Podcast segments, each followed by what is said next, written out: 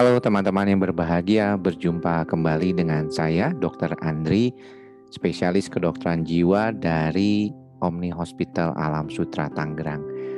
Kali ini saya kembali menyapa teman-teman lewat podcast saya, Psikosomatik Dr. Andri. Dan pada kondisi saat ini mungkin di masa pandemi kita tidak akan selalu berbicara tentang masalah COVID-19, tetapi bicara tentang sesuatu hal yang mungkin tidak banyak orang perhatikan, yaitu tentang hubungan kita sehari-hari. Nah, banyak orang yang mengatakan belakangan ini kepada saya bahwa mereka ini mengalami suatu kondisi yang disebut toxic relationship. Nah, toxic relationship ini sendiri sebenarnya adalah situasi di mana seseorang berada pada keadaan yang membuat dia mengalami suatu keadaan tidak nyaman dengan kondisi kesehatan jiwanya. Dan kalau kita melihat masalah yang berkaitan dengan hubungan yang beracun atau toxic relationship ini sebenarnya sudah sering dikaitkan dengan berbagai macam masalah kejiwaan. Tentunya kita berharap pada kesempatan kali ini kita membahas tentang satu-satu gejalanya dan sebagai dokter jiwa tentunya saya lebih banyak akan memfokuskan juga pada apa yang disebut sebagai kondisi gangguan kejiwaan dan latar belakang yang berkaitan dengan masalah ini. Nah, teman-teman, sebenarnya kalau kita berbicara tentang toxic relationship atau hubungan yang beracun ini, kita perlu melihat bahwa ini bisa terjadi pada perempuan dan pada laki-laki. Jadi tidak hanya selalu uh, perempuan yang menjadi korban ya, karena banyak di antara teman-teman mungkin merasa bahwa kayaknya kalau kayak gini tuh banyak kan perempuan yang jadi korbannya. Betul, tetapi tidak selalu. Karena banyak juga di antara teman-teman laki-laki juga yang mengalami hubungan seperti ini. Khususnya ketika mereka mempunyai uh, seseorang yang berkaitan dengan masalah-masalah gangguan kepribadian. Nah, kalau kita melihat tandanya sendiri itu sepertinya apa sih? Biasanya toxic relationship bisa dikaitkan dengan suatu keadaan di mana orang tersebut memiliki ketidakmampuan untuk mendukung ya mendukung seseorang ataupun pasangannya di dalam hal ini. Kemudian juga biasanya salah satunya adalah tidak adanya komunikasi yang baik ya di antara kedua orang ini, dalam hal ini pasangannya. Saya tidak akan membedakan perempuan dengan laki-laki, pasangannya bisa juga laki-laki dengan laki-laki, perempuan-perempuan pada pasangan homoseksual maupun pada pasangan heteroseksual. Jadi tidak terlalu berbeda. Intinya adalah hubungan antara dua orang di dalam hubungan pasangan. Kemudian eh, juga dikaitkan dengan adanya kecemburuan, ya jealousy yang mana salah satunya sangat cemburuan, mungkin juga sangat mengatur ya. Ini juga salah satu juga yang paling penting dikaitkan dengan tanda-tanda uh, toxic relationship gitu. Salah satu yang paling dominan memang adalah bagaimana seseorang itu bisa jadi sangat controlling terhadap yang lainnya. Dari sisi pakaian, dari cara uh, dia bersikap ya. Uh, jadi ketika kita berada pada pasangan kita menjalin suatu hubungan, kita malah jadi orang yang bukan apa adanya gitu ya. Kita nggak menjadi apa adanya diri kita gitu. Nah ini tentunya kan menjadi sesuatu hal yang tidak baik gitu ya buat ke depannya. Karena kita berharap pada saat kita berada pada hubungan itu kita menjadi apa adanya. Menjadi orang yang benar-benar bisa menampilkan diri kita. Nah, kalau misalnya punya pasangan yang semuanya ngatur kita seolah-olah kita harus berada pada uh, kondisi yang selalu dia inginkan tentunya kan tidak baik buat ke depannya. Ada juga ketidakjujuran yang mungkin bisa dikaitkan karena salah satu pasangan berharap dia lebih baik daripada yang lainnya ataupun dia merasakan uh, kalau misalnya dia jujur maka dia tidak mendapatkan atau mungkin sebagai langkah manipulatif ya kebohongan tentunya ini juga salah satu yang penting untuk diperhatikan juga juga dikaitkan dengan bagaimana pola-pola disrespect ataupun yang kita bilang tidak menghormati pasangannya dengan baik.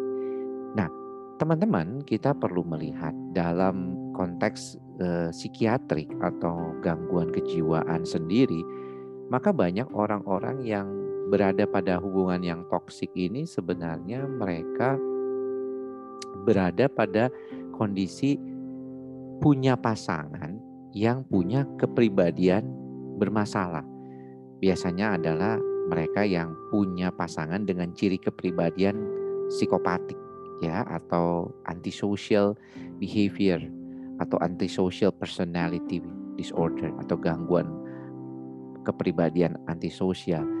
Kalau kita lihat memang orang-orang yang punya kepribadian psikopatik atau antisosial itu lebih dominan mereka sangat Eh, manipulatif.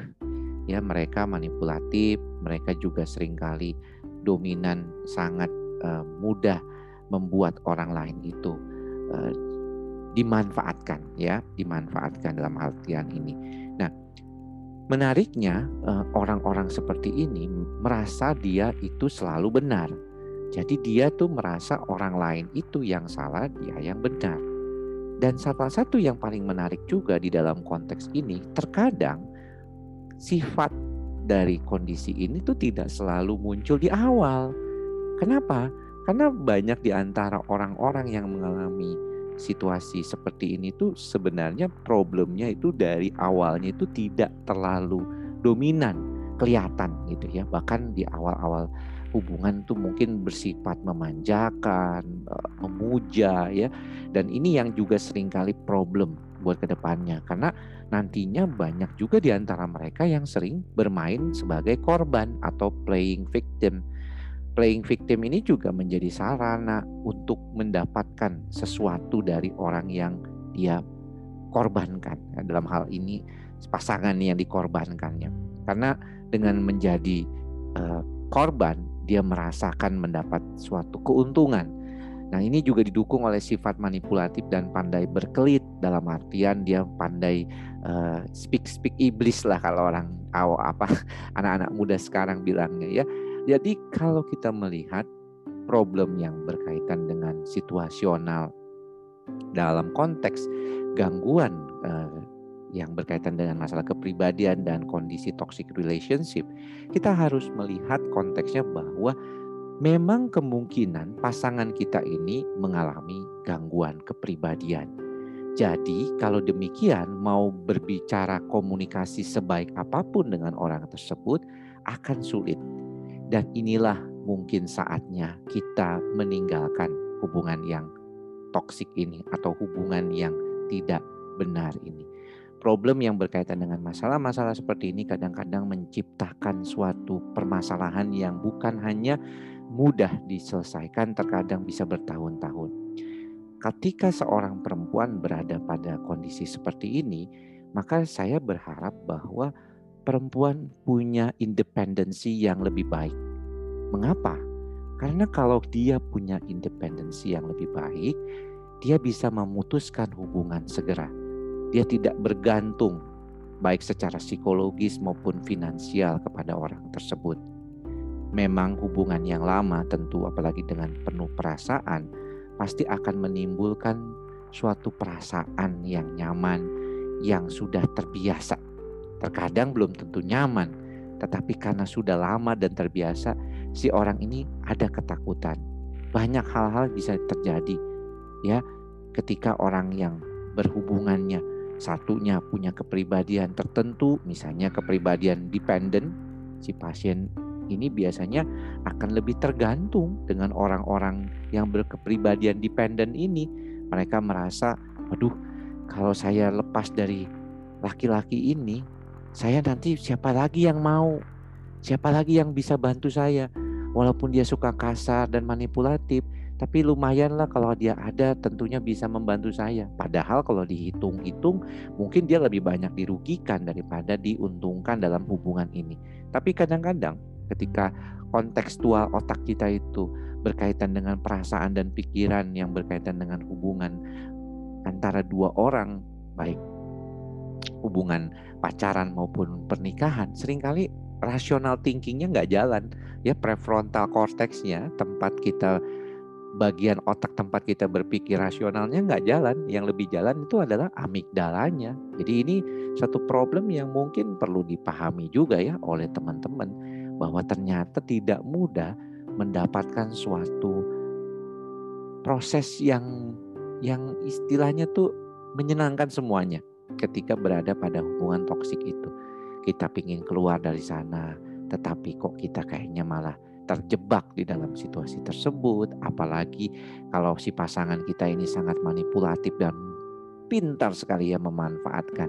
Karena bagaimanapun orang yang punya kepribadian psikopatik, ya orang yang biasanya manipulatif ini, itu sangat mudah untuk ya kalau kita bilang tuh apa ya uh, memanfaatkan sampai orang itu nggak nyadar kalau dia dimanfaatkan ya. Jadi ini problem yang sebenarnya bisa terjadi pada banyak kasus. Nah, salah satu yang saya selalu tekankan adalah kita sebagai pasangan nggak boleh saling tergantung yang berlebihan kepada pasangan kita. Kita harus mandiri. Kita juga tidak boleh terlalu naif mengatakan pada diri kita bahwa kita bisa mengubah orang tersebut. Tidak ada yang bisa mengubah dirinya selain diri orang itu sendiri. Jadi teman-teman harus perhatikan juga, jangan terlalu naif dengan kondisi seperti ini. Lihatlah apa adanya. Dan jika teman-teman memang membutuhkan bantuan profesional, bisa teman-teman datang ke psikolog atau ke psikiater. Dan kalau memang kondisinya berkaitan dengan pasangan, tentu ada lebih baik lagi kalau berdua yang datang tidak hanya sendirian. Tetapi kalau memang ingin menguatkan diri saja dan ingin berusaha lepas dari kondisi tersebut, kondisi yang toksik, maka teman-teman bisa datang sendiri untuk mendapatkan penjelasan dan bantuan support dari profesional. Demikian apa yang bisa saya sampaikan berkaitan dengan hubungan toksik. Mudah-mudahan kali ini teman-teman bisa memahami berkaitan dengan hal tersebut. Saya berharap teman-teman selalu berbahagia dan teman-teman menjadi manusia yang sehat jiwanya. Karena hubungan yang tidak baik, hubungan yang tidak sehat secara mental akan merusak kesehatan jiwa kita dan tentunya akan menurunkan kualitas hidup kita. Sampai bertemu lagi di podcast selanjutnya. Salam sehat jiwa.